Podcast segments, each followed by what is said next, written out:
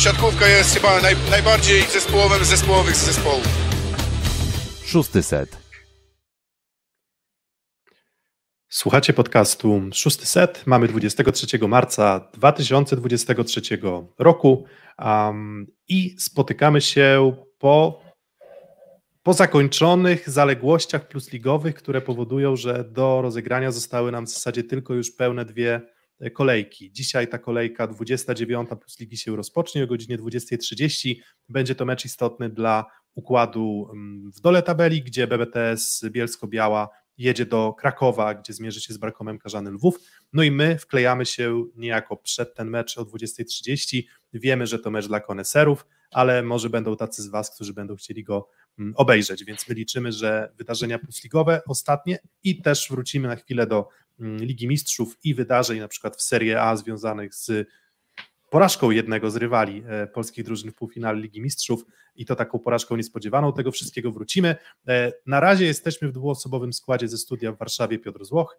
Ze studia w Rzeszowie Filip Korfanty, a już mogę zdradzić, że w trakcie naszej rozmowy dołączy do nas trzeci z naszego stałego grona, czyli Kuba Lewandowski, który jeszcze ma swoje pewne obowiązki, ale ma do nas dołączyć, więc do, będzie wkrótce. Dokładnie.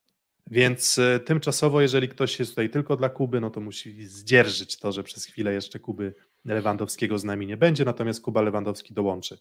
Zastanawialiśmy się, jak ułożyć w głowie plan na ten odcinek, o czym rozmawiać, bo niby jest o czym rozmawiać, ale w porównaniu do poprzedniego nagrania, w którym Filip z Kubą rozważali pewne warianty playoffów, kto, kto na to ósme miejsce, kto może z kim się spotkać w ćwierćfinale. Mm, wszystko to rozłożyli bardzo ładnie, cały odcinek cieszył się Waszą popularnością, więc e, bardzo dziękujemy też za te wyświetlenia, łapki w górę, jak zwykle zresztą, więc oczywiście możecie teraz też dać łapkę w górę i, i suby. Mm, natomiast minął tydzień, w międzyczasie te półfinały Ligi Mistrzów, które na razie, ćwierćfinały Ligi Mistrzów, które na razie zostawiamy i zajmiemy się nimi chwilę później. No i zaczniemy od plus ligi. No i możemy zacząć od takiego najświeższego tematu, bo jedną z tych zaległości, o których wspominałem na początku, był wczorajszy mecz Aseko Resowia Rzeszów kontra Jastrzębski Węgiel w hali Podpromie, hala Podpromie wypełniona, Aseko Resowia Rzeszów frajersko przegrała tiebreaka Filip? Może nie frajersko, Jastrzębie cały mecz tak naprawdę pracowało na to, żeby w końcu wstrzelić zagrywką i Juriowi Gładerowi to się udało i zniweczył cały misterny plan Mauricio Burgesa na to, że będzie mógł pochwalić się jakimś dobrym meczem w Plus Lidze, bo o ile czwarte sety były bardzo ok w wykonaniu Brazylijczyka, no to już tiebreak w jego wykonaniu był na takim niestety poziomie, do jakiego raz wcześniej przyzwyczaił i do, wyglądało to tak, że mm, tym tiebreakiem trochę przypominał te wszystkie swoje bolączki jeszcze z gry w Radomiu i też przypomniał to, dlaczego ten transfer nie był pozytywnie odebrany, y, transfer do Sekoresowi mm, i Wiesz, trochę miała to, że nie pecha. Pozytywnie mhm. jest, to on nie był, to nie było tak, że on nie był pozytywnie odbierany, on był wyszydzany wręcz. Zresztą sam się do tej szyderki lekkiej przyczyniałem, więc nie będę kłamał. E, to taka jest prawda, taka jest prawda. No, też nie skłamałem mówiąc, że nie był pozytywnie odebrany, tylko kwestia jakby wagi dobranych słów, ale wiemy o czym mówimy. Tak, był to transfer wyszydzany przez środowisko siatkarskie i przez cztery sety Mauricio naprawdę grał dobre spotkanie, mimo że nie dostawał dużo piłek od Fabiana Drzyzgi, no to myślę, że to też po pozwoliło mu sprawić, że nie był kulą u nogi Asekoresowi, no ale ten tiebreak e, wybitnie nieudany w jego wykonaniu, do tego też kwestia tego, co powiedziałeś, czy to był frajersko przegrany set przez Resowie. No myślę, że nie. No, trafiło się Jastrzębiu ustawienie na zagrywce, że był Gładyr, za chwilę był Hadrawa, który kapitalnie trafił, za chwilę był jeszcze e, chyba Tomasz Fornal, który trafił w Burgesa, który przyjął na drugą stronę, więc akurat tak się złożyło, że Jastrzębiu siadły trzy bardzo dobre zagrywki i to pozwoliło im od, odrobić kilkupunktową mm, przewagę i wygrać tego tiebreaka. Mm, Okej, okay. przegrała Resowia Media, ale to było trochę jak pierwszym meczu e, tych drużyn, gdzie Jastrzębie wygrało 3 do 0, tam bym powiedział, że bardziej albo tamto to może była frajerska porażka Rysowi, gdzie były dwa sety bardzo na styku, a w trzecim secie jeszcze większą Rysowia zmarnowała przewagę niż we wczorajszym tiebreaku. Wczoraj myślę, że bardzo w porządku spotkanie obu zespołów, dużo gry w obronie, mogło to się podobać, dobra atmosfera na podpromiu. Nie, to nie była mm, frajerska, frajerska porażka się, Rysowi. To znaczy, fraj... znaczy uważam, że mimo wszystko porażka w tej breaku z pięciopunktową przewagą je, nosi w sobie znamiona frajerstwa. W sensie frajerstwa nie, że frajerami są zawodnicy rysowi, broń Boże, bo to kompletnie nie o to chodzi. Chodzi po prostu o wypuszczenie meczu, który w zasadzie zmierzał już bardzo w twoją stronę i w zasadzie zaprzepaszczenie tego w jednym ustawieniu, no to naprawdę trzeba było się mimo wszystko postarać. Ja specjalnych zachwytów nad tym meczem jednak nie roztaczam, uważam, że to był mecz co najwyżej niezły, ale jednak destabilizowały rytm meczu popsute zagrywki ogromnie. Ogromnie dużo ich było. Uważam, że było dość dużo błędów. E, praca w obronie, zgoda, ale nie gloryfikowałbym tego meczu. Uważam, że poza tiebreakiem te pozostałe cztery sety dość rozchwiane, dość chaotyczne, um, ale i tak Resowia mnie zaskoczyła pozytywnie, bo dowiedzieliśmy się przed meczem, że TJ DeFalco nie zagra z uwagi na infekcję. Właśnie ten wspomniany przez Ciebie e, Mauricio Borges wszedł do drużyny i, i udawało się bardzo umiejętnie Fabianowi Drzyzdze go ukryć, czyli on w zasadzie piłki dostawał praktycznie na pojedynczy blok, um, śmiesznie to wyglądało momentami, no bo on nawet na tym pojedynczym bloku uciekał, jak spod topora w zasadzie takimi wybiciami block out, nad którymi nie wiem, czy miał pełną kontrolę, ale, ale mimo wszystko dawał radę, gdzieś tam wciskał te piłki, pełnił swoją rolę Mauricio, a głównym elementem Resowi, który powodował, że udawało się ze Strzępskim Weglem nawiązać rywalizację, no to chyba był, hmm, chyba był Maciej Muzaj, który wydaje mi się, że zagrał najlepszy mecz od powiedzmy kilku spotkań. Cała Resowia miała sporą zadyszkę w okolicach Pukaru Polski i w ostatnich meczach, natomiast teraz wydaje się, że wydaje się, że nawet bez Defalco ta Resowia wyglądała w porządku. Jeżeli chodzi o to, jak była posprzątana w tyłach, jak była poorganizowana w obronie, jak wyglądała kontra, to naprawdę były, to, były tam elementy, które mogły się podobać. Zgoda, ale też kamyk do ogródka Fabiana Żyzgi myślę, że mógł trochę lepiej to spotkanie poprowadzić, jeśli chodzi o rozegranie, też jeśli chodzi o dokładność, bo dużo było takich piłek, z których nie dało się swobodnie zaatakować, więc y, na pewno plus za to, jak wprowadzał do ataku Mauricio, ale co do pozostałych zagrań, to myślę, że tu sporo można by jeszcze lepszej gry u niego poszukać. Podobnie mam też Benie tu tym zdanie, to znaczy to też nie było najlepsze jego spotkanie, dość często Marcelo Mendes sięgał po podwójne zmiany gdzieś w środku seta, e, może to też wynikało z tego, że widział, że być może Bentonuti nie jest najlepiej dysponowany, e, to po stronie minusów to właśnie głównie gra rozgrywających mi się rzuciła w oczy, tak jakby po obu stronach.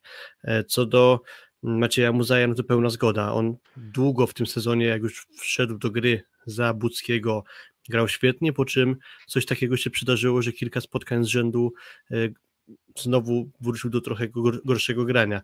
To spotkanie z Jastrzębiem pokazało, że chyba wraca na lepsze tory, może imponować chociażby to, jak on potrafi z łatwością strzelić do prostej gdzieś w linię boczną, ale z kolei była też ciekawa sytuacja wczoraj, bo mm, jak już miał chyba równo ustawiony blok, że było wiadomo, że prosta będzie zamknięta, to jakoś taką ma chyba charakterystykę, że Jastrzębie niemal potrajało obronę gdzieś w okolicy pierwszej, szóstej strefy, czyli na granicy pierwszej, szóstej. Tam był i zawodnik spod prawej antenki w pierwszej linii mocno wycofany i praktycznie jeden na drugim jeszcze stali dwaj obrońcy ktoś... z drugiej linii. Tak, doprecyzowując, jakby ktoś się zastanawiał, to szósta strefa to jest no, po środku e, w drugiej linii, a pierwsza strefa to jest ta, z której na prawo od tej środkowej, o tak, patrząc w kierunku siatki. Jakby ktoś się zastanawiał, no bo czasem jak rzucamy tymi strefami, to wiem, że to nie jest takie, takie oczywiste. Mhm, to prawda. Mm, to to wczoraj właśnie zwróciło więc, moją więc... uwagę, czyli to potrajanie obrony e, do pierwszej, szóstej strefy Muzaja, ale już oddaję Ci głos. To znaczy, nawet nie tyle chciałem głos jakoś bardzo mocno przejmować, ale skoro już mnie wywołałeś, to Maciej Muzaj nie byłby sobą, gdyby jednak nie miał takiego genu dużych pomyłek w niektórych momentach. Czyli co do zasady, jego wczorajszy mecz był bez wątpienia dobry lub nawet bardzo dobry, ale właśnie on nie byłby sobą, gdyby nie, nie zdarzyło mu się raz na jakiś czas popełnić błędu o dużej skali, bo to jest jakby klucz tego wszystkiego z Maciejem Muzajem. To nie jest problem tego, czy on te błędy popełnia, bo jeżeli jesteś to mocno obciążonym atakującym, atakującym z trudnych piłek wielokrotnie w meczu, no to też trochę naturalne jest to, że te twoje sytuacje są trudne, wymagają większego skupienia, większej precyzji, więc te błędy są normalne, ale te błędy to czasem w przypadku Macieja to się kończy właśnie piłka wyrzucona kilka metrów w aut. Mm, natomiast to nie zmienia mojej oceny, że uważam, że to był jego dobry mecz i jeszcze przed Pucharem Polski sprawdzałem, że mm, jeżeli chodzi o Resowie, to ogromnymi liderami w zakresie zdobywanych breakpointów drużynie jest właśnie TJ DeFalco i Maciej Muzaj. TJ'a wczoraj zabrakło, więc Maciej Muzaj był niezbędny, żeby powalczyć z Jastrzębskim Węglem, no i udało się powalczyć. A po stronie Jastrzębskiego Węgla kogo być wyróżnił? Mm, Tomasza Fornala. I to jest tak, że on jeszcze Popiwczak może, ale o Tomaszu Fornalu bym powiedział nawet więcej. To nie tak, że wyróżniam Tomasza Fornala, dziękuję bardzo, ale jego mecz ze jeszcze był świetny i to, co się wyrzucało przynajmniej na żywo, nie wiem jak to w telewizji wyglądało, ale on wygląda bardzo dobrze fizycznie i, i na, A za to na pewno... Piszcz, piszczały dziewczyny, mm, fanki Tomka? Siedziałem zaraz przed sektorem klubu kibica Jastrzębia, którzy jak zwykle przywieźli ze sobą wiele bębnów, więc y, jakieś odgłosy z hali poza bębnami ciężko było w ogóle usłyszeć, więc tak naprawdę wyłączyłem się, nie słyszałem, ale jakieś pomarańczowe kartki z napisem widziałem, nie wiem co kto tam napisał, ale skoro pomarańczowe to pewnie zwrócone w kierunku kogoś z jastrzębskiej drużyny, tak przypuszczam. Mm, nie skupiłem się totalnie na tym, skupiłem się na grze i naprawdę imponowało mi to, co prezentował swoją grą Tomasz Fornal, tak samo było w meczu ze Skrą, więc myślę, że to jest bardzo pewny punkt. E, słaby Kleveno, słabo grał Gładry w zagrywce, mm, zaokrąglając 3 czwarte meczu psuł zagrywki, wstrzelił się dopiero w tej breaku. Boje też nie najlepiej zmieniany przez Hadrawę, o Toniutim już powiedziałem, e, dość niemrawo jak na siebie Mustafa Mbaye, praktycznie nie robił breaków swoją zagrywką, co trochę było jego znakiem rozpoznawczym we wcześniejszych spotkaniach. No i jakby drugi do wyróżnienia Jakub Popiwczak i, i tyle, ale największy plus Fornal. Mm, no właśnie, w tym momencie Trevor Kleveno wydaje się być takim największym problemem Jastrzębskiego Węgla, bo to nie jest jego pierwszy słaby mecz. To już jest któryś tam z kolei um, słaby mecz. Um, któryś tam z kolei słaby mecz um, to, Trevora Kleveno. Mm, no i to może być jakiś tam problem.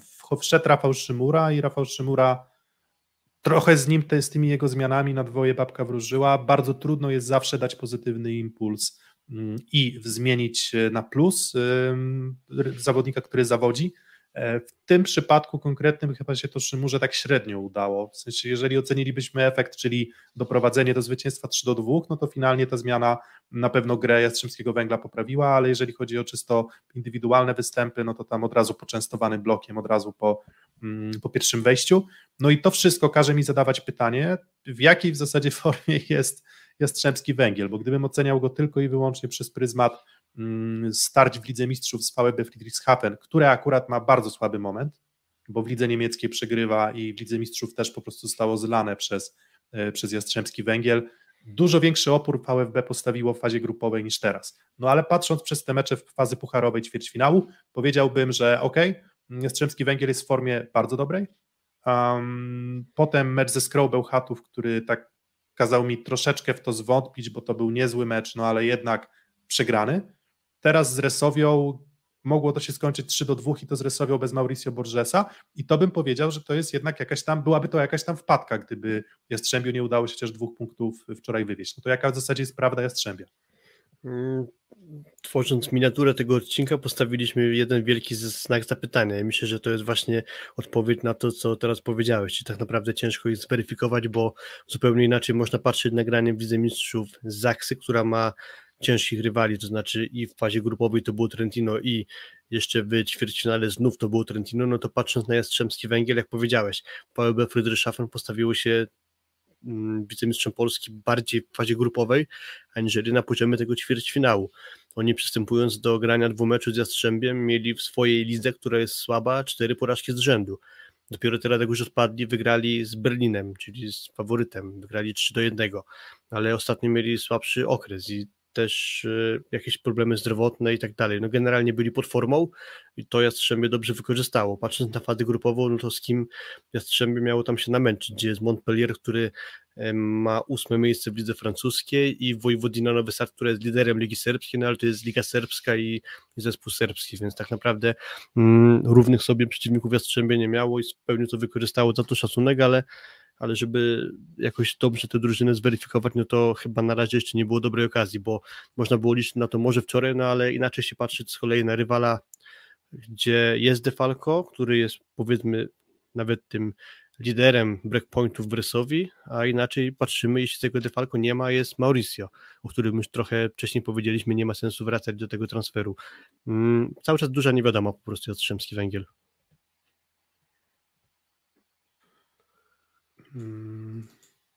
Sekundę, coś tu jakieś małe, małe problemy techniczne, lekko mi się przyciął, przyciął ekran. Mm, no właśnie i w zasadzie w tym momencie moglibyśmy dorabiać ideologię do każdego meczu. Praktycznie, tak? A biorąc pod uwagę jeszcze coś, co jest taką zmorą, czy zmorą, czy nie zmorą, ale e, na pewno charakterystyką rozmów o siatkówce w, nie wiem, w odstępie ostatnich kilku lat, to bardzo, bardzo często pojawia się kwestia już takiego przygotowania fizycznego stricte pod konkretne mecze. Czyli mówimy tutaj o mikrocyklach. Mm, no i faktycznie, jeżeli jest tak, że drużyny przed playoff pracują teraz ciężej na siłowni, no to to nie jest jakaś mrzonka i to może możemy się z tego lekko podśmiechiwać, ale to nie jest mrzonka, że jeżeli faktycznie wchodzisz w ciężką pracę na siłowni, no to ciężej o precyzję, ciężej o jakość prezentowaną mm, i wydaje się, że teraz spora część drużyn może faktycznie już się przygotowuje pod playoffy, no bo te playoffy mm, no już za dwa tygodnie. Mm, za dwa tygodnie w czwartek prawdopodobnie przed Wielkanocą już będziemy mieli pierwsze mecze e, ćwierćfinałowe, więc trudno w tym momencie jest rzetelnie ocenić formę. Podobnie zresztą byśmy powiedzieli o, mm, o Zaksie, tak? czyli Zaksa, która przegrywa ze Skrow, potem gra ciekawy mecz z Trentino, o którym znowu wrócimy jeszcze do Ligi Mistrzów, ale to nie był mecz, którym Zaksa była na pewno równa. Potem gra z Radomiem, gdzie mm, przegrywa pierwszego seta znaczy przegrywa seta i gra z suwałkami i znowu przegrywa seta bardzo mocno jest trochę rozchwiana, no to w zasadzie trudno jest nam ocenić w tym momencie, czy to jest kwestia przygotowania fizycznego, czy może to jest już jakaś tam docelowa zaksa, czy docelowy Jastrzębski Węgiel. Myślę, że nie jest, dlatego wróżymy z fusów i dlatego tych znaków zapytania jest, jest bardzo dużo. Mm, co, teraz, co ten mecz znaczy dla układu tabeli? A znaczy tyle, że Jastrzębski Węgiel wyprzedza Luron CMC Warte Zawiercie w tym momencie o punkt i ma dwa punkty straty do Sekoresowi Rzeszów, która jest na pozycji lidera, więc Resowia, zaraz może tabelę pokażę, dajcie mi dosłownie chwileczkę. Mhm. Ja myślę, że hmm. sytuacja trochę zaczyna wyglądać w ten sposób, że pierwsze miejsce po zakończeniu rundy zasadniczej powoli staje się takim gorącym kartoflem, czyli e, bardzo możliwe, że na czwartym, piątym miejscu skończy Zaksa z projektem i być może nie będzie przyjemnością grać z nimi w ewentualnym półfinale, co więcej, cały czas jest możliwe, że jakimś cudem jeszcze na ósme miejsce wskoczy PGS Kra, która mocno zwyżkuje swoją formą i jak dla mnie na ósmym miejscu z czwórki Nysa, Skra, Ślepsk, Lublin. Jeżeli tam skończy Skra, to będzie najtrudniejszy przeciwnik e, z możliwych, więc też być może mm, będzie ciężko już na poziomie ćwierćfinału. Tak, no właśnie to pierwsze miejsce będzie problematyczne właśnie w ćwierćfinale, ale będzie też w półfinale, pewnie do tego też zmierzałeś. Właśnie i tak jak powiedziałem, to powoli staje się takim gorącym kartoflem, co wygrał Jastrzębski Węgiel, oprócz tego, że być może trochę podbudowali się mentalnie tym, że odwrócili dość, było nie było ciężkie spotkanie na podpromiu przy komplecie niemal publiczności. I dwa, że cały czas zostawili sprawę pierwszego miejsca Asekoresowi, czyli to Resowia musi się teraz w pewnym sensie natrudzić, żeby ewentualnie zeskoczyć z tego pierwszego miejsca, to może się wydawać już mm, dość trudne. I co więcej, jeszcze wygrał Jastrzębski Węgiel, e, sporo punktów przewagi nad y, Zaksu, czyli w tym momencie to jest 6.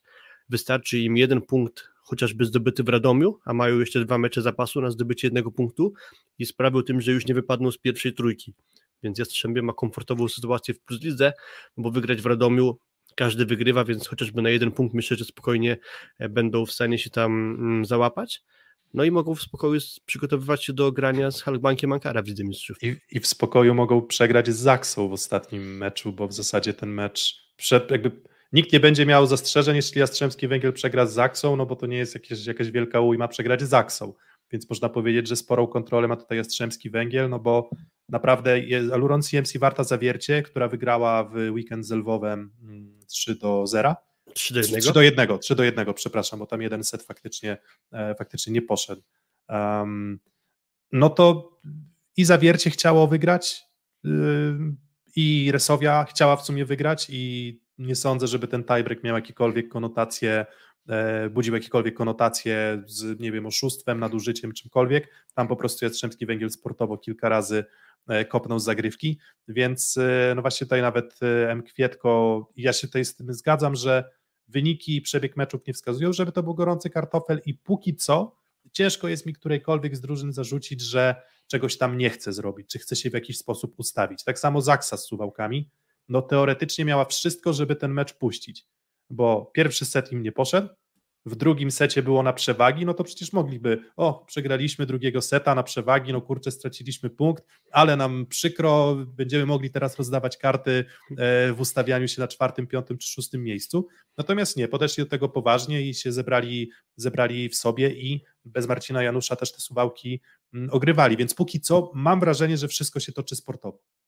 Mam, mam, takie mam takie wrażenie i mam taką nadzieję, że tak będzie do końca, ale tego za to już gwarancji nie mam. Znaczy, bo to jest też tak, że obie teorie mogą być prawdziwe, czyli pierwsze miejsce jest gorącym kartoflem, ale, ale jednocześnie każdy e, twardo gra sportowo wszystko, co jest możliwe i, i co będzie, to będzie. Także jest, no faktycznie tak te mecze wyglądają, że można mieć podejrzenie, że komuś nie będzie zależało na wygrywaniu, ale sportowo patrząc na boisko, patrząc na transmisję spotkań, to nie widać, żeby ktokolwiek odpuszczał, bo było, bo było powiedziane o meczu Ślepska z Zaksą, ale też wczoraj na podpromu Jastrzębie mogło spokojnie tego tej breka przegrać albo mm, albo no, zmienić kilku zawodników i co by było, to by było, ale grali w sumie na poważnie i zdołali tę przewagę w tej breku jeszcze e, Resowi zniwelować i wygrać, a niekoniecznie musieli po prostu. No właśnie, no i teraz spoglądając na tabelę wygląda to tak, Aseko Resowia Rzeszów w następnej kolejce wyjazd z GK, e, nie, y, u siebie Trefl, Dobrze, tak jest, w niedzielę. Tak, u, siebie, u siebie w niedzielę Trefl Gdańsk, mm, a następnie na koniec rundy mecz wyjazdowy w Katowicach. Dokładnie, w piątek. Um, w piątek. I, no i biorąc to pod uwagę, no to tak, żeby Jastrzębski, żeby Aseko Resowia Rzeszów była pewna wygranej w mm, fazie zasadniczej plus ligi, musi zdobyć cztery punkty. Jak widać na załączonym obrazku, czyli mm, cztery punkty, no bo wtedy mm, nie przeskoczy ich Jastrzębski Węgiel, bo będzie miał mniej, mniejszą liczbę zwycięstw, no i nie przeskoczy ich Aluron CMC Warta Zawiercie, bo będzie miało maksymalnie punktów 69, a Resowia przy tych czterech punktach w ostatnich dwóch meczach już 70. Więc osobiście, jeżeli miałbym obstawiać, to raczej Resowia Rzeszów musi się też odbudować mentalnie, bo to nie były ostatnie dobre tygodnie Resowi, więc mam trochę takie poczucie, że Resowi może zależeć na tym, żeby po prostu wygrywać i trochę się zbudować i podpompować przed, mm, przed playoffami. I mówiąc o tym, że po prostu chcesz wyjść na boisko i się zweryfikować z drużynami w rywalizacji o coś, a nie tylko treningowej, żeby dowiedzieć się w zasadzie, gdzie jesteś i co ewentualnie może nie działać. Jeżeli nie grasz na maksa, no to możesz być mylnie przekonany o tym, że w sumie ten poziom twojej gry nie jest jakiś taki e, słaby, no bo tam po prostu ze premedytacją puściliśmy mecz. Natomiast myślę, że tego nie będzie, więc moim kandydatem do zwycięstwa fazy zasadniczej jest Resowia. No moim też, patrząc na sportowe aspekty, no to Trefl Gdańsk, mówiliśmy już o tym kiedyś, raczej sprawia gorsze wrażenie na wyjazdach niż w meczach u siebie, chociaż ostatnio pewna wygrana w Katowicach. Mm, Resowia, tak jak mówisz, no pewnie będzie im zależało na tym, żeby zyskać jeszcze trochę pewności siebie, bo dużo pewniej mogło ulecieć po tym, jak mocno dostali lanie w Pucharze Polski półfinale ze Strzębiem. E, pewnie będą tutaj pracować nad sferą mentalną i chcieli się budować. Myślę, że Tref to jest dobry rywal na to, żeby się trochę właśnie podładować, bo co innego wygrać z dobrą drużyną Trepla i co innego z jakąś trochę słabszą drużyną gdzieś tam z dołu w tabeli. No i jeszcze wyjazd do Katowic, do Katowic, które prawdopodobnie mm, skończą na tym 12 miejscu w tabeli, więc też może niespecjalnie będą sobie włosy z głowy wyrywać, żeby za wszelką cenę zapunktować z Resowią. Nie wiem, może tak przypadkiem być, więc jak dla mnie spokojnie Asekoresowia powinna tę rundę zasadniczą wygrać. Oprócz tego, że sami zapunktują, no to jeszcze to Jastrzębie może stracić punkty z Zaksą, a prawdopodobnie tak czuję zawiercie wygra swoje oba spotkania, ale to może zabraknąć na pierwsze miejsce w tabeli. Dokładnie, no spodziewam się, że no kurczę, no dwa tiebreaki, e, w najgorszym wypadku Asekoresowie Rzeszów albo nie wiem, wygrana za trzy punkty z Katowicami, punkt u siebie z Gdańsk, z Treplem Gdańsk, który wcale nie musi to być łatwy mecz, żeby nie było, bo to też jest tak, że Trev wygląda po prostu dobrze. Mm, natomiast myślę, że po prostu miejsce drugie i trzecie rozstrzygnie Jastrzębski Węgiel, bo Aluron CMC Warta Zawiercie, mm, tak jak mówisz, prawdopodobnie skończy z 68-9 punktami, bo spodziewam się, że z Suwałkami, które no już teoretycznie chyba jeszcze matematycznie mogą awansować, czy już nie?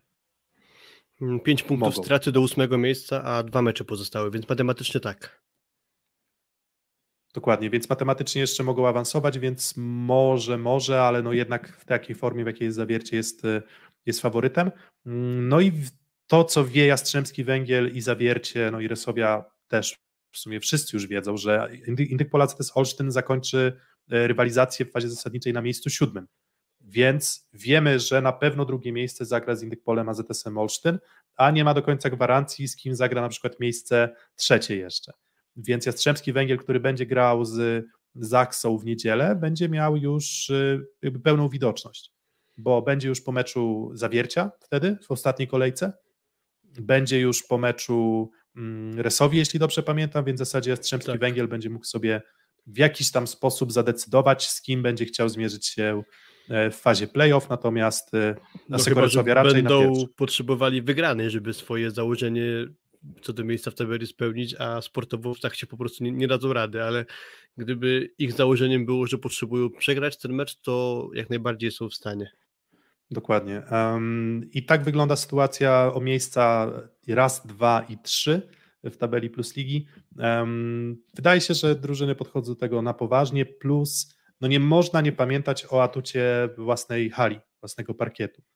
Mm, wystarczy wejść w chociażby, nie wiem, we Flash Scora, e, w zakładkę Plus Liga, spojrzeć w tabeli i zobaczyć na formę wyjazd-dom, no i zobaczymy, że ok, na wyjeździe nie jest tak kolorowo wcale, jak e, mogłoby się, e, mogłoby się wydawać dla wielu drużyn. I teraz porównując, dosłownie dajcie, dajcie chwileczkę.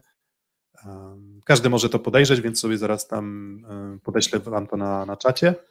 To mm. zanim Piotrek to znajdzie, to tylko podam Wam przykład Trepla Gdańsk, o którym mówimy, że gra trochę lepiej, albo nawet znacznie lepiej u siebie, a inaczej na wyjeździe. E, Trepl Gdańsk u siebie zdobył 33 punkty, a na wyjeździe 22, z czego mocno sobie ten bilans podreperował czterema ostatnimi meczami, bo wygrał w Lublinie, który był jeszcze z trenerem Daszkiewiczem w swojej niedyspozycji, wygrał w Bielsku Białej, wygrał w Lubinie i wygrał w Katowicach, więc względnie to nie były najtrudniejsze wyjazdy. Tutaj mocno sobie podreperowali budżet wyjazdowy, ale przed tymi czterema meczami to wyglądało znacznie słabiej. Um, no właśnie, no i mam to już przed sobą, czyli tak, przykładowo, Luron CMC Warta Zawiercie, jedna porażka u siebie, um, pięć porażek w 14 spotkaniach na wyjeździe. Dalej, Resowia, trzy porażki u siebie, 11 zwycięstw, na wyjeździe trzy porażki, 11 zwycięstw, czyli dużej różnicy nie ma, tak? Mm, Kędzierzyn-Koźle, czyli dwa, dwie tylko porażki Zaksy w, mm, jak do tej pory w, we własnej hali, a na wyjazdach już tych porażek e, sześć. Trepl Gdańsk, trzy porażki u siebie mm, tylko i sześć porażek na wyjazdach.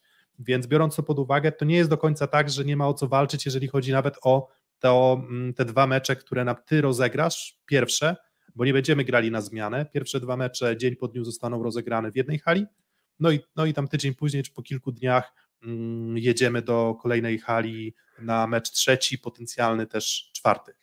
Mm, nie tyczy się Radomia, faktycznie, tutaj pełna, pełna zgoda. Um, więc tak wygląda sytuacja o tę czołową, walce o czołową trójkę.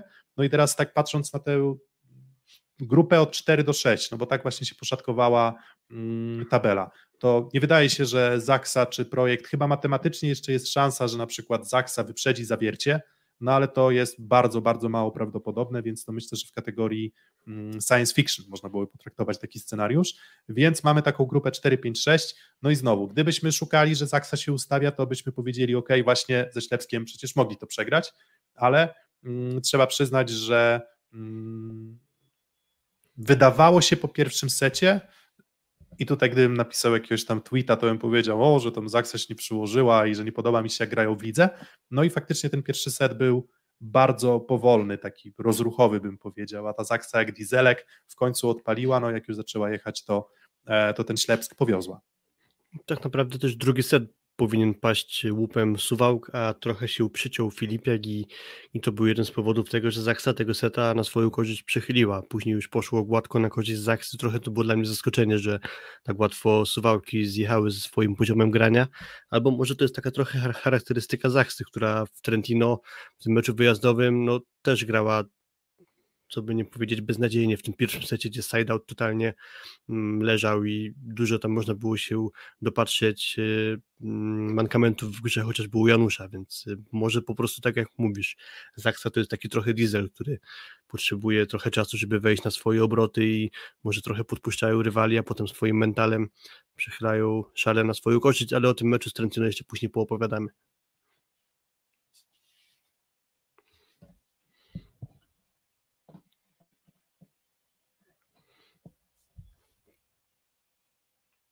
Coś się chyba Piotrek zacięło u ciebie. Tak. Obraz wrócił. Okay. Dobra, czy teraz mnie słychać? Tak, No, po trochę, dobra, ale chyba wracasz, chyba wracasz. Tygają u mnie. Dobra, okej, Chyba czyli wracasz. wróciłem. Um, I nie ma różnicy po, po, pomiędzy pierwszy, pomiędzy tą kolejką poprzednią, a po wydarzeniach ostatniego weekendu. W tej starciu o 4-5-6 nie ma różnicy, no bo zarówno Zaksa z trzema punktami, Projekt Warszawa z trzema punktami, no i Trefl Gdańsk z e, trzema punktami. Zaksa nadrobiła, zadrobi, znaczy, ten mecz z Radomiem był planowy, a mecz z Suwałkami był nadrobiony. E, Sześć punktów zdobytych przez Zaksę w tych dwóch meczach, pomimo rotacji składem ze strony Samelwuo. Mm, mm, Też w tym momencie jest właśnie na tym miejscu 58 Katowicami. Katowicami, jeżeli wygrają, to rozwiązują mat. Um, czy Zaksa może spaść na miejsce szóste? Czyli w zasadzie wygra trzy punkty z Katowicami, to definiujemy. No i zostaje tylko i wyłącznie pytanie o Piotrek wraca jak w pierwszym secie. Bo... Wracasz, ale też trochę, trochę ścina jeszcze, więc chyba jakieś mankamenty internetowe. 4-6. Um, dokładnie, coś tam ewidentnie mi tam z jakością, jeżeli chodzi o internet. Więc jeżeli byłoby bardzo słabo, to jakoś internet jak gra Radomian na ich hali, więc no. no. Dobra. Mm, Wracając, może teraz się uda ustabilizować już ten, ten mój internet, który działa, jakbym miał go z wiadra dosłownie. Um, status quo zachowuje projekt Warszawa gra z Nysą i tutaj w weekend i tutaj mm, nie chcę wieszczyć niespodzianki, natomiast jeżeli coś miałoby się wydarzyć, jakieś cuda w tej przedostatniej kolejce, to właśnie w, e, w przypadku projektu Warszawa, mm, Gdańsk z mm, Asekoresowią Rzeszów Trójmiast, no mówię, wszystko wskazuje na to, że Trepl jednak skończy na tym miejscu szóstym, tak mi się wydaje, no chyba, że projekt Warszawa właśnie by zachachmęcił. Wygrana Zaksy i wygrana projektu przy stracie punktów Trefla w zasadzie Zeka to mm, zajmie miejsca 4-5, um, no i w nagrodę za to piąte miejsce z Zaksą. Mm, Tutaj jeszcze jest kwestia tego, że projekt może być naładowany swoją serią wygranych i może im po prostu być nie na rękę, żeby nawet chcieć coś kombinować w tabeli przez pryzmat zyskania czegokolwiek na graniu na porażkę z Treflem Gdańsk, więc ja przypuszczam, że oni będą jednak za wszelką cenę starali się ładować tymi kolejnymi zwycięstwami. Przypuszczam, że ograją Nysę i przypuszczam, że też wykorzystają szansę i wygrają z Gdańskiem i na to szóste miejsce już sobie nie pozwolą na spadek, po prostu będą grali, żeby, żeby wygrywać. E, Ale faktycznie no, układ terminarza jest taki, że tej pewności do końca mieć nie możemy i pewnie będziemy gdzieś uważnie się przyglądać każdej kolejnej akcji, czy przypadkiem ktoś tam mógł trochę szybciej do piłki dobyć albo trochę bardziej prosto ją odbić, ale to kwest- kwestia tego jeszcze nam się dopiero rozstrzygnie. Bardzo dużo tych niewiadomych jest i tak naprawdę niewiele się wyjaśniło od tego wtorku z 14 marca, gdzie robiliśmy poprzednią transmisję, bo de facto wyjaśniło się tylko to, że Olsztyn skończy na siódmym miejscu, a cała reszta jest jeszcze do rozwikłania. Pierwsza kwestia, może tak trochę zejdziemy na moment do tego miejsca 4-5-6, bo jak już Piotrek wspomniał, też dopowiedziałem trochę, tu wszystko jest możliwe tak naprawdę, a najbliżej rozstrzygnięcia być może będzie kwestia miejsc 15-16, bo za niespełna godzinę rozpocznie się spotkanie w Krakowie, gdzie Barką podejmie BBTS Bielsko-Biała, no i tu sprawa jest prosta, jeżeli BBTS Bielsko-Biała straci jakikolwiek punkt, no to można by powiedzieć, że w Radomiu powinny strzelać szampany, bo to by oznaczało, że matematycznie Cerad, a Czarni Radom już się utrzymają w plus lidze bez patrzenia się na pozostałe spotkania, ale oczywiście sobie lekko drwie z tym yy, strzelaniem szampanów, bo tak naprawdę to trzeba tam się będzie mocno nagłowić, żeby już trzeci sezon z rzędu pozostaniu w Plus Lidze nie strzelać sobie w kolano budową składu. To będzie wyzwanie na pewno w Radomiu. Tak, a zapowiedzi są takie, że znowu tak pierwszoligowo się zapowiada, czyli raczej żadnej rewolucji um, w jakości drużyny Radomia nie będzie. Taka jest chyba gdzieś tam obawa. No ale zobaczymy, poczekamy na oficjalne ogłoszenia e, transferów. Natomiast no, Spodziewam się osobiście, że Lwów jednak punkt z Bielskiem zdobędzie i myślę, że to zamknie definitywnie kwestię, mm, kwestię BBTS-u, e, który, mógł, który może pozostać plus lidze. Mm, no i szczerze przyznam, nie wiem, czy tam, czy, czy, czy patrząc, mówię, po tych składach i po zapowiedziach tego, jak będzie wyglądał skład Radomia e, w przyszłym sezonie, to wygląda na to, że w sumie czy Bielsko, czy Radom, to wygląda, że będą to drużyny raczej odstawające od mm, reszty stawki. Mm, no ale właśnie, tak jak mówisz, ten temat się nam rozwiąże. Trochę jeszcze takiej delikatnej walki się toczy korespondencyjnej o miejsca 13-14. Swoją drogą ten mecz o 20.30 spowoduje, że Barkom już zakończy granie w Plus Lidze do tych starć e, właśnie prawdopodobnie z Kuprum Lubin o miejsca 13-14. Mm, no ale jakby hitem jeszcze cały czas tej naszej tabeli plusligowej jest rywalizacja ślimaków o playoffy. Mm, no i tak, e, Stalnysa przegrywa z Resowią w weekend, nie ma punktów, zostaje tak jak było. Mm, Ślep Smalow Suwałki przegrywa z Zaksą, przegrywa też z wcześniej z Indykpolem AZS-em Olsztyn, no i też Ślep Smalow Suwałki zostaje, zostaje w tym samym e, w tym samym miejscu. Luke Lublin się szarpnął i właśnie ograł Ślep Smalow Suwałki w poprzednim meczu. I to jest trochę zaskakujące. Troszeczkę zaskakujące, bo spodziewaliśmy się, że może Luke już y, po zmianie trenera już tak może trochę się nie chce, może trochę odpuszczają, a tutaj Luke jeszcze dał sobie szansę. I teraz szanse dla Luku polegają na tym, że wygrana z Kuprum Lubin spowoduje, że niezależnie od wyniku meczu z PGS Krabeł Chatów Indyk Pola ZS, to tylko Stal Nysa musiałaby za zdobyć co najmniej punkcik z Warszawą, żeby Lublin nie miał szans w ostatniej kolejce, żeby awansować do playoffów, więc paradoksalnie jeszcze jakaś tam szansa się dla Lublinian tli. Może być bardzo ciekawa sytuacja w ostatniej kolejce, gdyż y, układ wyników może sprawić, że Iskra i Luk wzajemnie się wyeliminują. Nawiązuje tu do sytuacji z zeszłego sezonu, gdzie w ostatniej kolejce PSG Stalnysa grała z projektem Warszawa, Mm, Nysa potrzebowała chyba wygranej za trzy punkty, żeby mieć szansę uniknąć baraży, a Warszawa potrzebowała chyba trzech punktów, żeby z kolei spełnić swój cel. I było tak, że Nysa prowadziła 2 do 0, miała wszystko, żeby wygrać trzeciego seta i zamknąć to spotkanie, po czym Warszawa wróciła do grania, zrobiła 2 do 2 a nie, Warszawie wystarczało dwa punkty, a Warszawa zdobyła tylko jeden punkt, bo z kolei jak już Nysa grała o nic w piątym secie, to Warszawę rozstrzelał Bentara zagrywką i skończyło się tak, że Nysa zabrała szansę Warszawie, Warszawa zagra, zabrała szansę Nysie. I teraz może być tak samo w meczu Lublina ze Skrą, czyli mm, Luke Lublin mm, jeśli zrobi tiebreaka i go wygra, to zabierze szansę Skrze, a z kolei Skra doprowadzając do tiebreaka wyeliminuje z grania o playoff Luke Lublin. Tak to prawdopodobnie e, może wyglądać, jeśli czegoś przypadkiem nie pomyliłem, ale chyba dokładnie tak jak powiedziałem.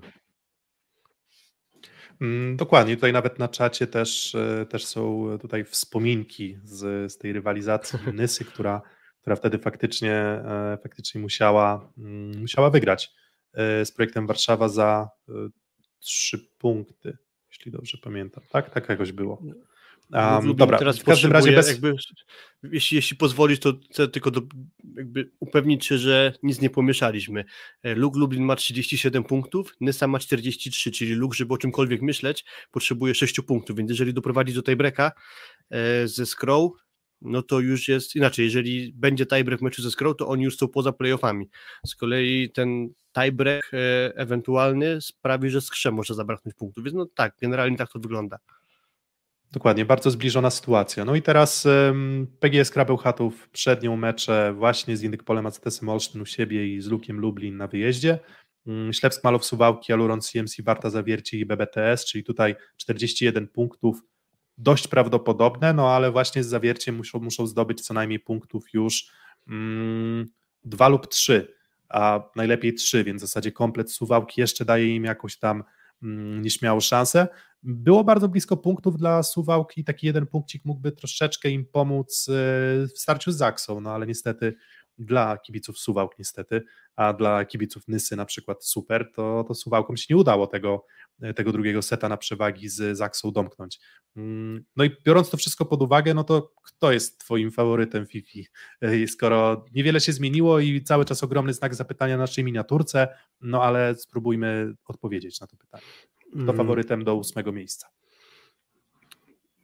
Ślepsk Malów Suwałki na końcu ma jeszcze grany z BBTS-em Bielsko-Biała, więc teoretycznie można by założyć, że Suwałki mają punktów 41, ale to nadal jest za mało, aby wskoczyć na ósme miejsce. Stąd jest kwestia meczu z Zawierciem. Zawierciem może spinać się jakoś bardzo nie musi o granie w tej pierwszej trójce, o układ tabeli, ale no sportowo myślę, że Suwałki będące pod formą będą miały bardzo ciężko o to, żeby tam zapunktować. Już kilka meczów takich o coś, że powiedzmy w pewnym sensie być albo nie być Suwałki za sobą miały ostatnio i wszystko jak leci poprzegrywali, bo przegrali z tym Lublinem, który zmienił trenera, przegrali teraz z, Zaksą, mając dogodną sytuację, żeby zapunktować, więc niewiele wskazuje na to, żeby mieli postawić opór zawierciu, więc obstawiam, że oni te punkty stracą z zawierciem, a ewentualnie pokuszą się o wygraną z Bielskiem, to sprawi, że skończą z dorobkiem około 41-42 punktów, to będzie za mało, więc odrzucam szansę Ślepska Malów Suwałki, tak to oceniam. Dalej, Nysa z rozpędzonym projektem, będąca pod formą, też nie wydaje mi się, żeby mogła sobie pomóc z tym spotkaniem najbliższym w, mm, w niedzielę. W niedzielę, tak? 26 marca grają w Warszawie. Idąc dalej, może się okazać, że w playoffach zamelduje się ktoś z pary właśnie Lug Lublin i PGS Krabełchatów. Lug Lublin ma właśnie oprócz skry jeszcze Kuprum Lublin, czyli mecz jak najbardziej do wygrania. No i zadecyduje to granie ze Skrą, bo też obstawiam z kolei, że mm, Skra rozpędzona gra u siebie z, AZ, z, AZ, z AZS-em Olsztyn, który ma pewne miejsce w tabeli siódme i nie musi się bardzo motywować na to spotkanie. Stąd czuję, że właśnie dojdzie do tego, że decydował będzie mecz Lubina ze Skrą. I gdybym miał powiedzieć, to powiem życzeniowo, że e, Lug Lubin jednak wejdzie do playoffu. E, mm. To może dlatego, że w styczniu stwierdziliśmy, że PGS gra do playoffu nie wejdzie i byłoby dobrze, żebyśmy mieli rację. Tak, no wiadomo, każdy lubi mieć rację i każdy lubi, gdy jego typy się sprawdzają. Nie no, bardzo trudno było, było znaczy cały czas jest to scenariusz na przykład przez bookmacherów, awans skry jest cały czas traktowany jednak raczej jako 30% szans, bardziej niż 60 czy 70% szans. Z drugiej strony ja powiedziałem o tym, że Olsztyn zajmie siódme miejsce. Mogą zagrać totalnie na luzie, może im wychodzić wszystko, już się kwestia e, skry w playoffie może bardzo mocno skomplikować w tym graniu z Olsztynem, także może ten Dokładnie. mecz z Lublinem jednak nie będzie decydował. No jest tak jak nawiążę cały czas do naszej miniatury, jeden wielki znak zapytania. Tak, Indyk Polazy też, też przecież um, zależy im na tym, żeby się trochę zbudować zwycięstwami, no bo ten mecz z Kuprum był brzydki, bardzo.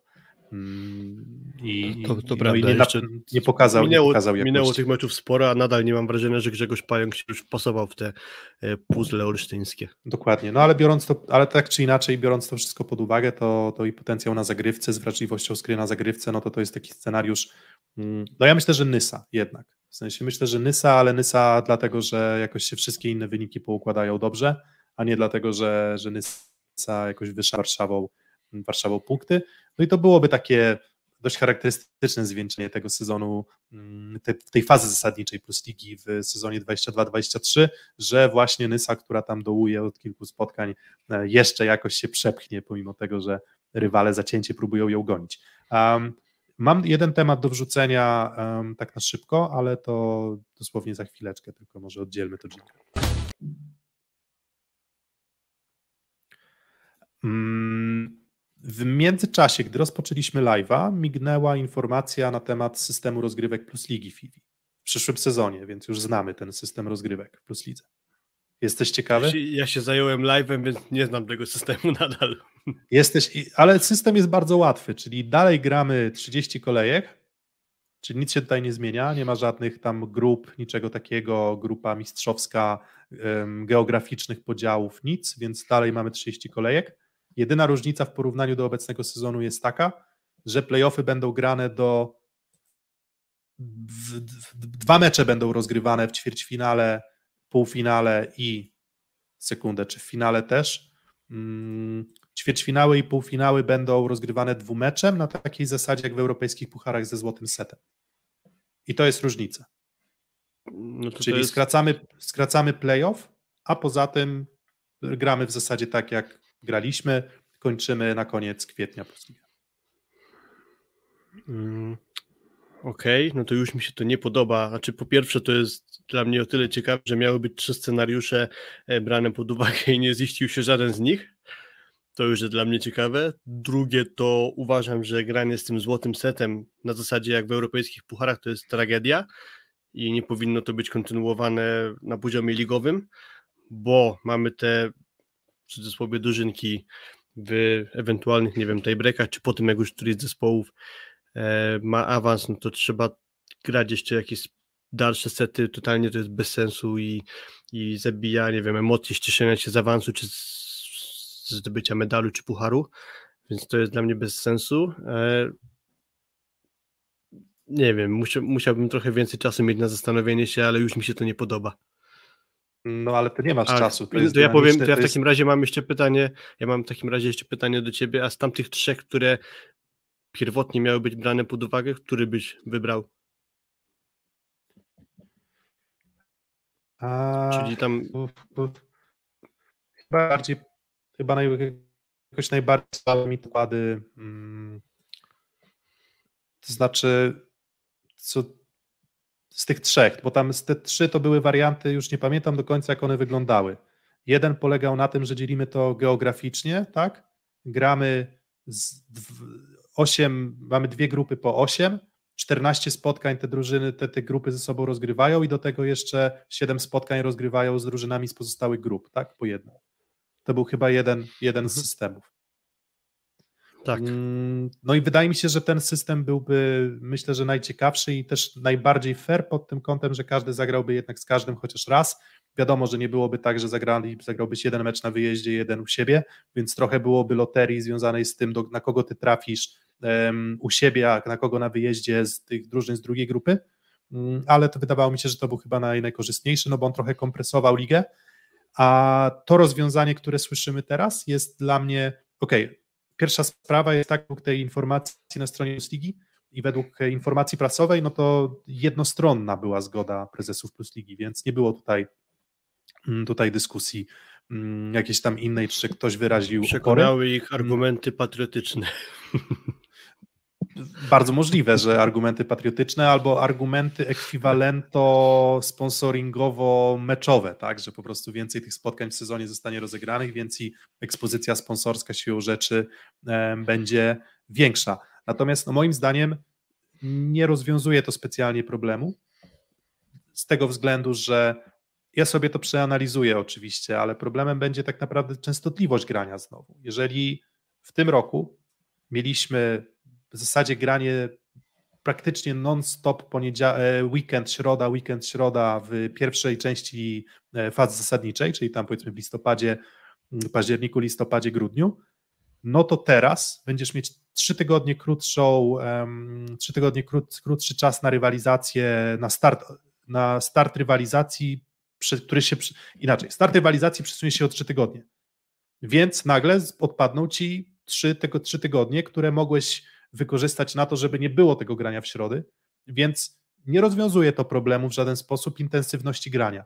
A powiedziałbym nawet, że biorąc pod uwagę to, że będziemy grali kwalifikacje i to, że sezon musi się skończyć wcześniej, to ten problem wręcz intensyfikuje. Więc będziemy mieli grania w zasadzie tyle samo, a to, że na koniec na playoffy będzie, nie wiem, kilka spotkań mniej, no to nie zmienia to faktu, że poprzednie pięć miesięcy zawodnicy będą naprawdę przetyrani mm, ostro.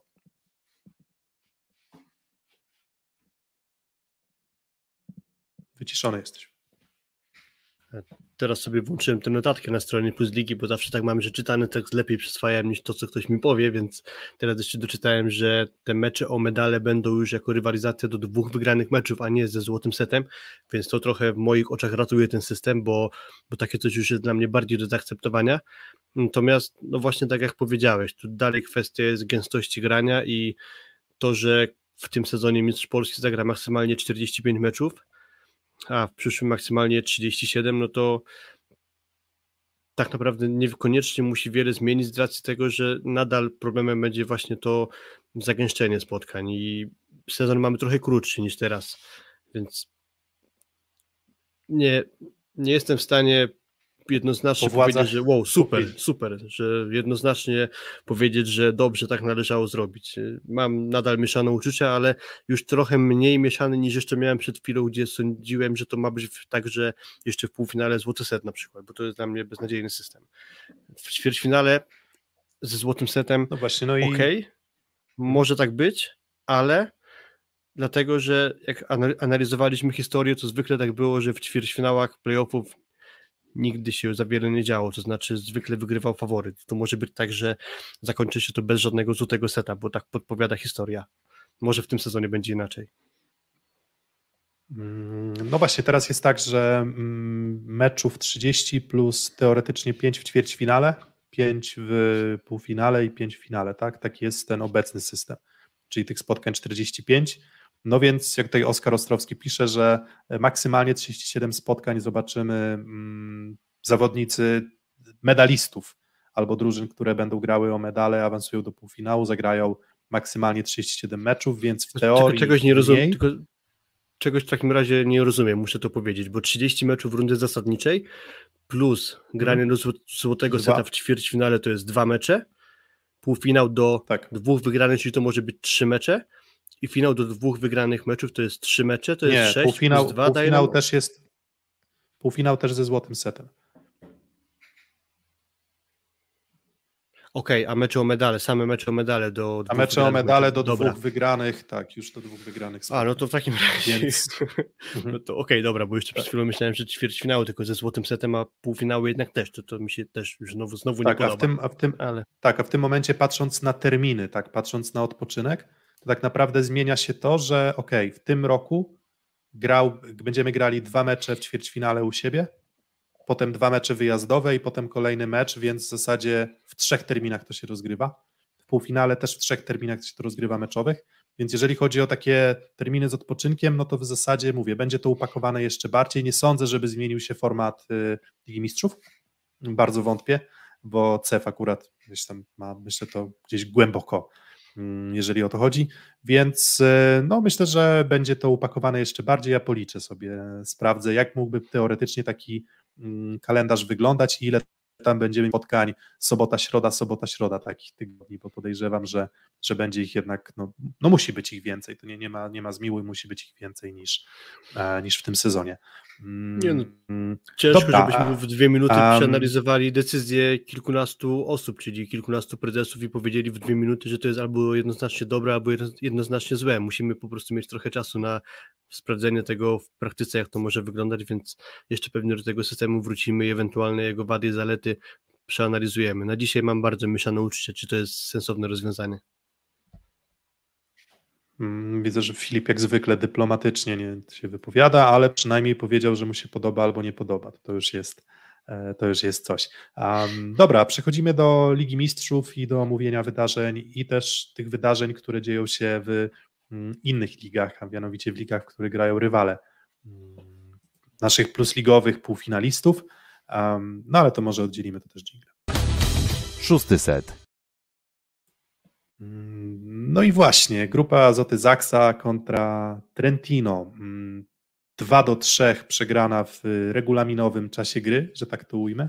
No i w złotym secie wyratowała się Zaksa i mm, no po epickim boju, e, ale nierównym boju, e, nierównym boju, jeżeli chodzi o nierówny poziom, poziom gry w zasadzie obu drużyn, mm, chyba trzeba przyznać, że ta porażka Zaksy w 2 do 3 była biorąc pod uwagę przebieg meczu rewanżowego, dość uzasadniona i chyba zasłużona. Mm. Bardzo źle Zaksa weszła w to spotkanie i po przebiegu półtora seta można powiedzieć, że Zaksa tak naprawdę do Włoch nie dojechała i, i Trentino zasłużenie zgarnie awans do e, półfinału, po czym znowu mieliśmy tę Zaksa reaktywacja, czyli mm, mental tego zespołu pewnie budowany przez co najmniej jeden sezon albo i kilka, bo to nie pierwsza wygrana w europejskich pucharach po dramatycznym przebiegu spotkań e, sprawiła, że byli w stanie się odbudować, też wykorzystali to, co wypracowali sobie w pierwszym meczu, że mieli tak naprawdę dwa krótkie sety o życie i przegrywając ten pierwszy cały czas jeszcze mieli możliwości, aby mm, wywalczyć sobie awans do półfinału. I z perspektywy początku spotkania można powiedzieć, że mocno Trentino weszło na Zaksę, ale mm, nie do końca wytrzymało chyba fizycznie, czyli e, może gdyby nie to, że mm, przegrali pierwsze spotkanie, to ten tiebreak już by przesądził o ich awansie i nie doszłoby do tego, że Lewija z Kazijskim już fizycznie chyba nie dali rady w złotym secie, bo tak to wyglądało.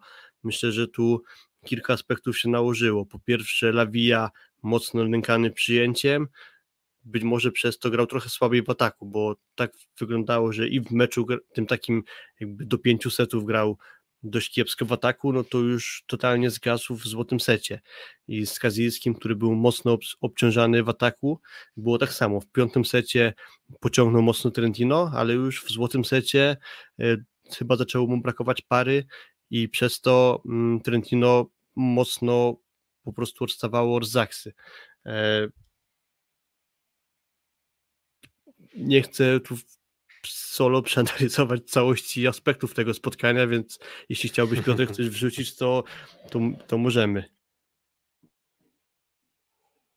To znaczy tak, no to jest z, mam ciągle ten sam problem z Zaksą, z oceną Zaksy, bo genialna mentalność w siatkówce faktycznie mm, niepoddawanie się, wygrywanie końcówek, wygrywanie tych złotych setów, w szczególności w pucharach, to jest taka umiejętność, którą mm, jakbym szukał analogii z innymi sportami, to bym powiedział, że trochę Real Madryt w piłce nożnej w Lidze Mistrzów, który też jakoś tam wydaje się, że poziom może nie zawsze, ale walka do końca, doliczone czasy gry, czasy gry, bramki strzelane, mm, dogrywki, bramki strzelane, wydawałoby się, nie wiem, w sytuacji, w której rywal ich dominuje, mm, to taka charakterystyka i za to ogromny szacunek dla Zaksy, bo fantastyczna jest ta mentalność Zaksy i, nie mam, jakby nawet nie mam słów, żeby to określić i uważam, że to jest ewenement na skalę polskiego sportu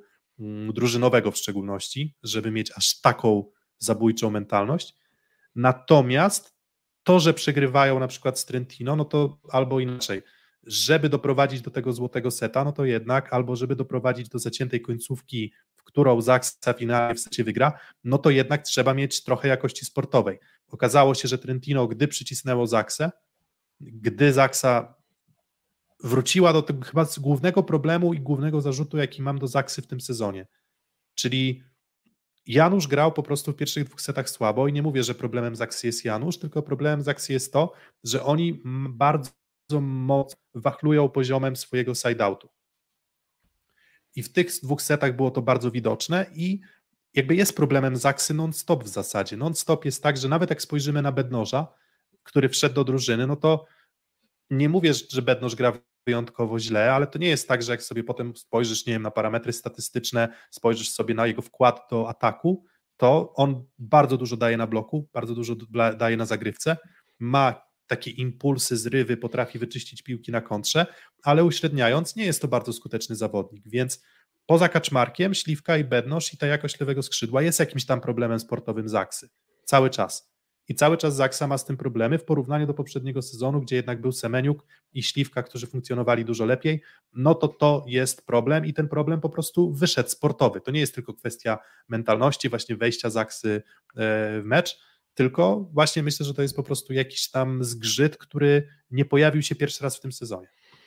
Mm, to prawda, dość powiedzieć, że w piątym secie i w złotym secie Bednosz to był w sumie 4 punkty, przy czym ostatni w momencie 4 do 1 dla Zaksy w złotym secie później już nie punktował, natomiast no, sytuacja wyjściowa po jego ataku na 4-1 była już dość korzystna, więc wystarczyło tak naprawdę dowieść ten złoty set do 15 punktu, więc e, skupił się pewnie na czymś innym, ale właśnie tu jest warte podkreślenia, że może on w ataku mm, nie jest takim pewniakiem, zabijaką, ale też dokłada w innych aspektach, właśnie w bloku w zagrywce. Mm, tutaj bezapelacyjnie liderem Zaksy był Kaczmarek, który zagrał wręcz fantastyczne zawody, no i jak Piotrek pewnie kojarzy, na Twitterze się jakaś dyskusja wywiązała na tym, że no, on jest do kończenia szybkich piłek, no ale jeżeli dostajesz tych szybkich piłek w takim meczu de facto szóstosetowym 46, no to też sztuką jest, żeby nawet te szybkie piłki przecinać we właściwy sposób, gdzie momentami też granie Janusza nie było jakoś super skomplikowane, pewnie było mm, względnie łatwe do przeczytania i to też jest ogromna sztuka, że przy tych 46 atakach nie popełnił chociażby żadnego błędu. On był pięć razy zablokowany, ale to jest też jakby taka mm, taki koszt własny atakowania z szybkich piłek, że idziesz w górę do szybkiej piłki, mhm. nastawiasz się, że środkowy nie nadąży i tłuczesz gdzieś w zakładaną wyrwę w bloku, a czasem ten środkowy jednak raz na ileś akcji zdąży i, i będzie czapa. E, więc y, te jego 50% przy 46 piłkach, tylko 5 razy zablokowany, no to jest naprawdę godne podziwu, grał na plus 17. Sześciosetowy, wykańczający mecz, fizycznie wykańczający mecz. Więc myślę, że tu żadnych zastrzeżeń do jego grania nie, nie, nie wolno mieć. oczywiście, pełna zgoda. I w sensie ja mam też troszeczkę tak, tak że mm, jest dla mnie Łukasz Kaczmarek fantastycznym atakującym, który w jakimś systemie w którym dobrze wygląda z Januszem, tylko że Januszowi poprawnie do tyłu pasuje. Bardzo często też przerzuca piłki, z których idealnie koruje, no bo nie każdy atakujący potrafi pewne niedokładności, które się mogą od rozgrywającego przy takim przerzucie na 7, 8, 9 metrów pojawić, to nie każdy potrafi na biegiem to skorygować, czy też powiedzmy samą pozycją, samym barkiem pewne piłki wykręcać i robił to naprawdę fantastycznie. Natomiast w kontekście tej całej dyskusji, która gdzieś tam się pojawiała na Twitterze, czy brakuje mi czasem u Kaczmarka takiej, nie wiem, brutalnej siły i, nie wiem, troszeczkę większego zasięgu, żeby można było o nim mówić jako o takim naprawdę geniuszu siatkówki? No troszeczkę tak, ale no, nie można negować, nie można mm, w jakikolwiek sposób, że Łukasz Kaczmarek nie jest świetnym atakującym, no bo jeżeli nie jesteś świetnym atakującym, to nie rozstrzygasz asem na przykład złotego seta z Lubę, nie decydujesz i nie, nie, nie, nie, nie, nie prezentujesz się tak dobrze też w meczach o coś. I w zasadzie jedyną, jedyne zastrzeżenie, czy też Kaczmarek mógłby rozwiać wiele wątpliwości, tym, jeżeli w końcu w kadrze zagra na miarę swoich możliwości. Dopóki nie zagra e, na miarę możliwości, na miarę tego, co pokazuje w Zaksie, to zawsze będzie pewne zastrzeżenie związane właśnie z jego charakterystyką, która jest techniczna, tak? Znaleźć dziurę o bloku, skrobnąć e, blok, który nie, nie, nie skoczy wystarczająco blisko siatki, więc e, wypchniesz, wepniesz piłkę powiedzmy w klatę e, blokującemu albo wybicia po bloku i to jest wszystko technika i wszystko super, ale to ma jakieś tam swoje ograniczenia na tych drużynach naprawdę najlepiej zorganizowanych defensywnie. Dokładnie, bo tu też trzeba patrzeć na kwestię systemu gry zespołu i też, albo inaczej mówiąc, odwracając sytuację, trzeba dobrze poukładać system gry zespołu. Też między innymi po to został Bartosz Bedno ściągnięty do Kędzierzyna, e, żeby Zachsa mogła się bić o najwyższe trofea i też prawdopodobnie po jego stronie będzie e, dużo kończenia ciężkich piłek, bo po prostu do tego predys predysponowany. Co innego pierwotnie grający w szóstce Adrian Staszewski, bo to całkiem inny zawodnik.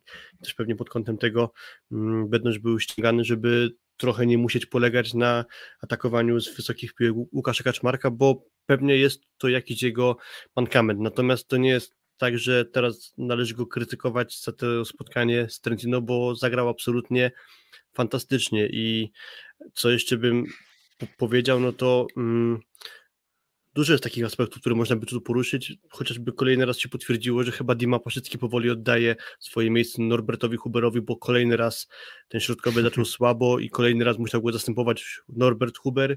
I Norbert Huber znowu zaczyna dawać za tę jakość, którą dawał w ubiegłym sezonie, więc chyba powoli już dochodzimy do tego momentu, gdzie do Smitha w parze będzie wychodził Norbert Huber, tak to zaczyna wyglądać.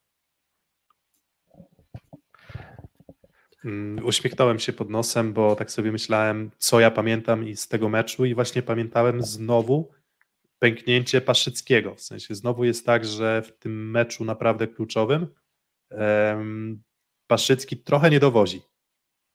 E, I, no i biorąc to pod uwagę i biorąc pod uwagę gdzieś też potencjał Hubera i też no, trzeba przyznać, że ta scenka rodzajowa, gdzie tam na czasie Huber mówi, że ich tam dojeżdżamy i że już tam jedziemy z nimi i tak dalej, zaczyna się drzeć, e, albo po udanym bloku punktowym bije się w piersi i po prostu mówi jak nagrzany niesamowicie, ale też i nie, nie pozwolił, żeby te emocje przytłoczyły jego jakość grania, e, więc ogromny szacunek i bardzo przyjemnie się to też mm, oglądało, no ale cóż, no, dlatego też Zaksa jest Zaksą, bo ma taką alternatywę na środku, między innymi, tak.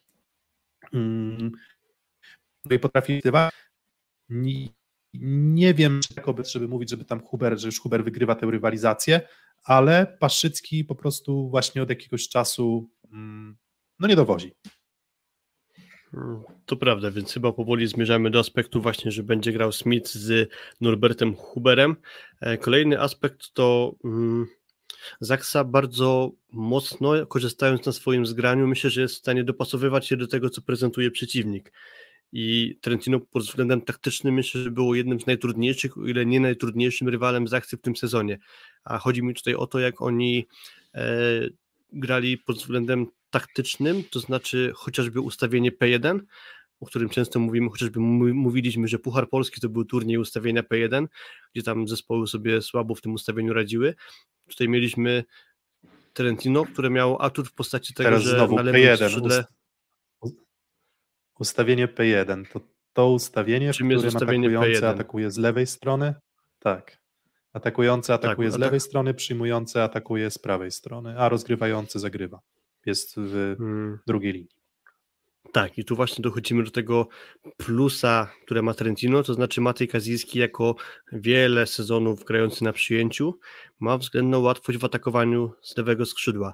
I mało tego, to nie było tylko w ustawieniu P1, ale też w rotacji kolejnej, kiedy na zagrywkę szedł Lewija, to często zdarzało się, że pod siatką wymieniali się Micheletto pozycją z Kazijskim, więc Micheletto, mimo że teoretycznie swobodnie mógł przejść na lewe skrzydło, to zostawał na prawym, a Kazijski przechodził na lewe. Tak samo zdarzało się, że jeszcze przed swoją zagrywką z Bertoli szedł na lewe skrzydło, blokować atakującego Zaksy, a y, Micheletto przechodził na prawe.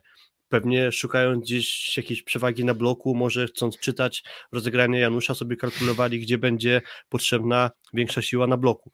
I to było o tyle może trudne, że oni nie grali tego permanentnie, że cały mecz powtarzali ten sam manewr, tylko to się zmieniało co kilka powiedzmy rotacji, że czasem zrobili tak, czasem zrobili tak. Stąd to było trudne do przystosowania się i myślę, że mogło to tak się sprawiać dodatkowe problemy, a co więcej, no właśnie Matej Kazilski na lewym skrzydle sporo problemów Trentino rozwiązywał atakiem, bo jak sobie po analizowałem to spotkanie już tak na spokojnie po zakończeniu, to wychodziło, że gdy serwował z Bertoli, to ta akcja wygrana przez Zaksę powodowała, że Trentino przyjmowało zagrywkę właśnie w P1 i wtedy były dwa rozwiązania, albo szła piłka do Lisinaca, albo szła piłka na lewe do Kazilskiego, czyli w skrócie można powiedzieć, jeżeli przyjęcie było dobre, można było grać wszystko, to Lisinac, jeżeli coś tam się w przyjęciu nie zgadzało, to było granie przez lewe. I bardzo dużo Matej z tego kończył, aż w końcu przytrafił się jeszcze piąty set super na lewym, skończył ki- kilka piłek i w P1 i jeszcze później w tej akcji gdy serwował Lawija, też poszedł na lewej, też skończył, ale już w złotym secie to nie zadziałało, więc Trentino miało na to dwa rozwiązania, albo pewniak do Lisinaca, jeżeli się tego nie dało, to wszystko przez Mateja. I te ustawienie P1 tutaj mocno Trentino mm, potrafiło wykorzystywać. Dalej kwestia, Mm, można powiedzieć, nie wiem, Laurenzano. no W zasadzie Y, Zacząłem kontynuować jeszcze, bo widziałem, że jest cisza, więc pozwolę sobie jeszcze wrzucić Laurenzano, czyli y, no, młodziaka, którym się można zachwycać, ale długo było tak, że ciężko go było złamać, po czym końcówka e, trzeciego seta i poszedł David Smith na zagrywkę i Laurenzano szarpnął przyjęciem i Zaksa zrobiła breaka, po czym za chwilę znowu po przyjęciu Laurenzano Zaksa potrafiła zrobić breaka.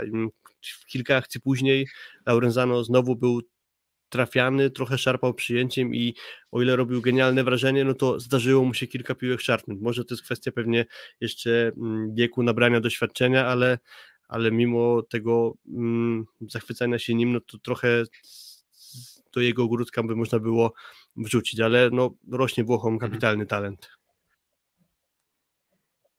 Mm, dokładnie i to też zaskakujące, że w sumie czasem te rozgrywki reprezentacyjne nie mają aż tak dużego związku z, z rozgrywkami klubowymi. Mamy przykład właśnie Micheletto, mamy przykład mm, którzy fantastycznie grali w barwach reprezentacji Włoch, no i zasłużenie mm, ograli nas w finale w, na Mistrzostwach Świata. Teraz się okazuje, że jednak przełożenie tego wydawałoby się, że to sama para, wydawałoby się, że też dobry libero obok, Wydawałoby się, że z Bertoli, którego też gdzieś tam już znają i wydawałoby się, że dużo jest jakości w Trentino i ta jakość była widoczna. I gdyby nie ten drugi set wyciągnięty w sumie cudem przez Zaksę, to miałem obawy, że to tak zmierzało niestety, niestety w stronę mm, zwycięstwa 3 do 0 dla Trentino, no ale serca mistrza, um, serca złotego medalisty Ligi Mistrzów nie można nigdy lekceważyć, jak się okazuje, no i grupa Azoty Zaksa wygrywa. No i w półfinale zmierzy się z Perugią. My jeszcze taki dedykowany odcinek będziemy chcieli nagrać, w którym troszeczkę się głębiej pochylimy nad tą Perugią. Natomiast tak na szybko spoglądając, no to w lidze włoskiej rozpoczęły się już mm, playoffy, rozpoczęły się mecze ćwierćfinałowe. No i okazuje się, że Perugia, która wydawała się bardzo długo w tym sezonie monolitem nie do złamania, podobnie jak w poprzednim sezonie, coś tam nie działa, jeżeli chodzi o, nie wiem, element przygotowania fizycznego. Być może, ale na tych takich, w tych najtrudniejszych momentach Perugia powolutku zaczyna pękać. Nie było łatwo im ograć Berlin w mm, ćwierćfinale Ligi Mistrzów, ale udało się. Um, I teraz z Mediolanem, pierwszy mecz znowu wydawałoby się, że komfortowo wygrany przez nich u siebie 3 do 0, wyjazd Mediolanie 3 do 2, więc nie chcę mówić, że nie ma się czego bać, bo mówię, jeszcze porozmawiamy o tym i się zastanowimy nad tym, czy jest się czego bać w kontekście Perugii, ale na pewno Perugia jest drużyną do pokonania jeszcze. Wydawałoby się, że jeszcze jakbyśmy zastanowili się dwa miesiące temu nad tego Zaksa, gdzie była Perugia, to powiedzielibyśmy, że no, Perugia jest zdecydowanym faworytem takiego starcia, a teraz sportowo nie przekonuje mnie Perugia, sportowo pewnie bardziej trochę mnie przekonuje Perugia, odrobinkę, ale na podstawie tego, co widziałem w tym sezonie, ale mentalność Perugii może być dla nich kulą u nogi, a w Zaksie z kolei, Zaksa mnie troszeczkę nie przekonuje sportowo ciągle, ale za to mentalność królewska. Mm, dokładnie. Może trochę tak być, że im większe pieniądze w danym zespole są położone na kontrakty, tym większa presja i dochodzimy do tego, że Perugia, mimo że wygrała komplet spotkań rundy zasadniczej, to ma za sobą już przegrane granie o Puchar Włoch, no i teraz trochę sobie skomplikowała sytuację w ćwierćfinale playoffów właśnie przeciwko Mediolanowi, bo mogli w ten weekend już zamknąć rywalizację, zapewnić sobie awans do półfinału, a tak no to jeszcze to ich granie w Lidze Mistrzów będzie przycięte e, jakimś czwartym meczem mm, z Mediolanem, więc tu jeden mecz więcej im dochodzi. No I ta kwestia jeszcze może budowania się mentalnego, czyli e, teoretycznie takie spotkania jak z Mediolanem powinni e, w cuglach wygrywać, a doprowadzili do tego, że przegrali to spotkanie po tej breaku, gdzie w Mediolanie grają chociażby Ebadipur, mm, z Mergarejo na przyjęciu, mm, Patry na ataku, no to trochę inni zawodnicy z innej półki niż e, grają w Zachcie. E,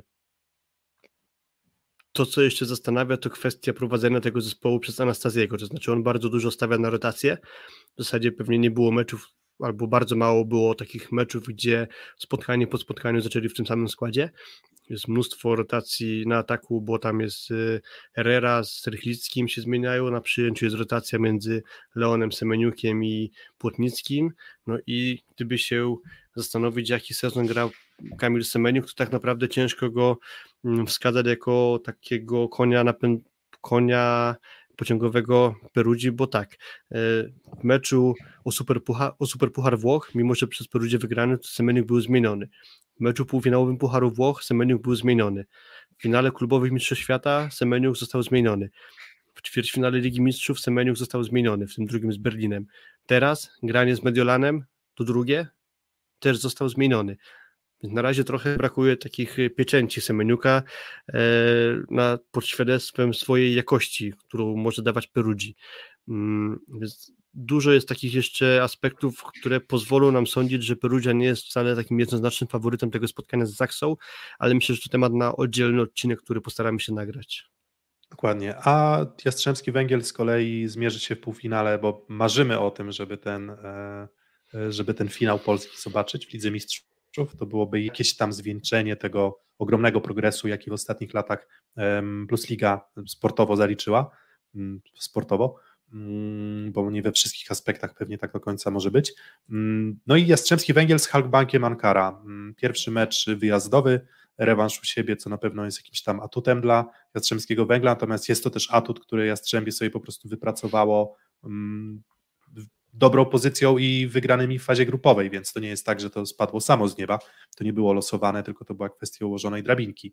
No i Halkbank Ankara, lider Ligi Tureckiej, ograł Zawiercie, ograli Lubę, ale ogrywanie Lubę, jak pokazuje Verona w playoffach e, Ligi Włoskiej, wcale nie jest czymś niesamowitym. Ale to wcale nie musi być taki przyjemny i łatwy, i łatwy dwumecz. Um, to już będzie równiej. W przypadku Perugia Zaksa jeszcze się waham, jak to ocenić, no ale powiedzmy, że bliżej 50-50, może odrobinę skłaniam się ku Perugii. Natomiast tutaj widzę to jako atut Jastrzębskiego Węgla i przewagę Jastrzębia, ale nie taką oczywistą wcale i to może nie być łatwy mecz, szczególnie ten wyjazdowy. Y, ograł Zawiercie, także mm, to też już świadczy o tym, że to będzie inna półka niż to, co e, Jastrzębie musieli e, grać we wcześniejszych spotkaniach Ligi Mistrzów. Właśnie to chciałem powiedzieć, że no, o sile Lubę niech świadczy to, że w ćwierćfinale Ligi Włoskiej już dwa mecze przegrali z Weroną. I to nie jest dla nich równo, równo ważny przeciwnik, aczkolwiek też mało brakowało, sam Iwan Zajce w tym meczu rewanżowym z Ankarą nie wiem, doprowadziłby chociażby do złotego seta, e, więc y, też lubię jakieś tam swoje szanse miał. No dla mnie faworytem tego grania jest Jastrzębie, ale to nie będzie na pewno spacerek, też dużo będzie zależało od tego, jakie spotkanie się wylosuje Nimirowi teraz. Też Tomasz Rzeszki, który na pewno dużym wzmocnieniem jest y, Halkbanku, też jeszcze nie gra tylko dobrze, zdarzają mu się trochę słabsze spotkania, więc mm, dużo tutaj będzie zależało pewnie od dyspozycji dnia Halkbanku, tak to ogólnie to minimalnie słabsza drużyna od Jastrzębia, ale obstawiam, że to nie będzie spacerek. Mm, dokładnie, hala gorąca pewnie będzie, jak to turecka, tak, te hale tureckie w w tych kluczowych fazach Europejskiej Ligi Mistrzów. Mm, właśnie, no ale to właśnie Tranek pisze, dobrze, że rewanż w Polsce, złoty set przy tureckiej publiczności mógł być ciężki, no mimo wszystko cały czas Jastrzębski Węgiel jest pewnie sporym faworytem, pozostaje wierzyć w mądrość Mendeza i pozostaje wierzyć w sumie w mądrość wszystkich sztabów, bo teraz jest trochę tej rywalizacji, ustawianie się, pozycje w tabeli, kto z kim w playoffach, to wszystko zaprząta głowę, natomiast no, to wszystko są gdzieś tam tematy mm, poboczne i właśnie liczę na to, że tak jak Zaksa potrafi być bardzo dobrze przygotowana do tych zmagań w Lidze Mistrzów, nawet jak w Plus Lidze to nie działa zbyt dobrze albo nie zawsze działa, tak, e, tak w Lidze Mistrzów jest prima sort, tak i mam, mam nadzieję, że Jastrzębski Węgiel też po prostu będzie dobrze przygotowany. E, no ale o Lidze Mistrzów jeszcze pewnie poświęcimy e, więcej czasu w przyszły wtorek. Taki mamy wstępny plan, żeby we wtorek taką zapowiedź mm, Ligi Mistrzów i podsumowanie wydarzeń plus ligi e, w nadchodzącym weekendzie Wam przedstawić. No i co? A dzisiaj chyba finito. Tak, na dzisiaj kończymy. Za 12 dokładnie minut starcie o być albo nie być dla BBTS-u Bielsko-Biała, także mimo wszystko będę oglądał. Dokładnie, tak zwane starcie dla, um, fa, dla fanatyków. Koneserów. E, koneserów, fanatyków, takich rarytasów, smakołyków e, plusligowych. Jedne z ostatnich spotkań, um, no właśnie z BBTS-em Bielsko-Biała, być może na przynajmniej na następne dwa lata. Tak, myślę, że dopiero za półtora roku będziemy mogli zobaczyć BBTS, jeżeli wrócą z pierwszej ligi, no ale jeszcze nie skreślajmy ich szans, bo mogą ograć Lwów. Um, dzięki za dzisiaj. Dzięki za aktywność, dzięki za frekwencję. Mm, dajcie lajka, oczywiście.